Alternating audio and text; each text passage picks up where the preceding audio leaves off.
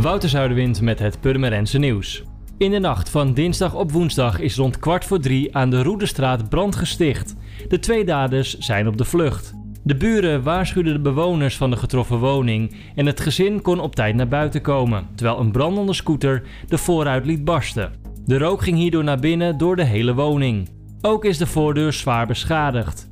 De politie stelt samen met de forensische opsporing een onderzoek in.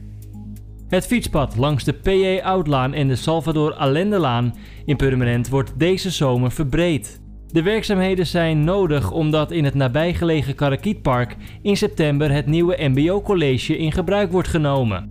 Om de stroom leerlingen van het regiocollege en het Horizon College te verwerken, moet er voor die tijd een breder fietspad komen. En voetballer Mitchell Bakker uit Purmerend heeft afgelopen week bij de Franse kampioen Paris Saint-Germain een contract voor vier jaar getekend. De 19-jarige verdediger is afkomstig van Jong Ajax. De Purmerender was transfervrij. Bakker debuteerde afgelopen seizoen in het eerste van Ajax in de bekerwedstrijd tegen amateurclub Te Werven. In de competitie zat hij regelmatig op de bank, maar kreeg hij geen speeltijd. Voor meer nieuws, kijk of luister je natuurlijk naar RTV Purmerend, volg je onze socials of ga je naar rtvpurmerend.nl.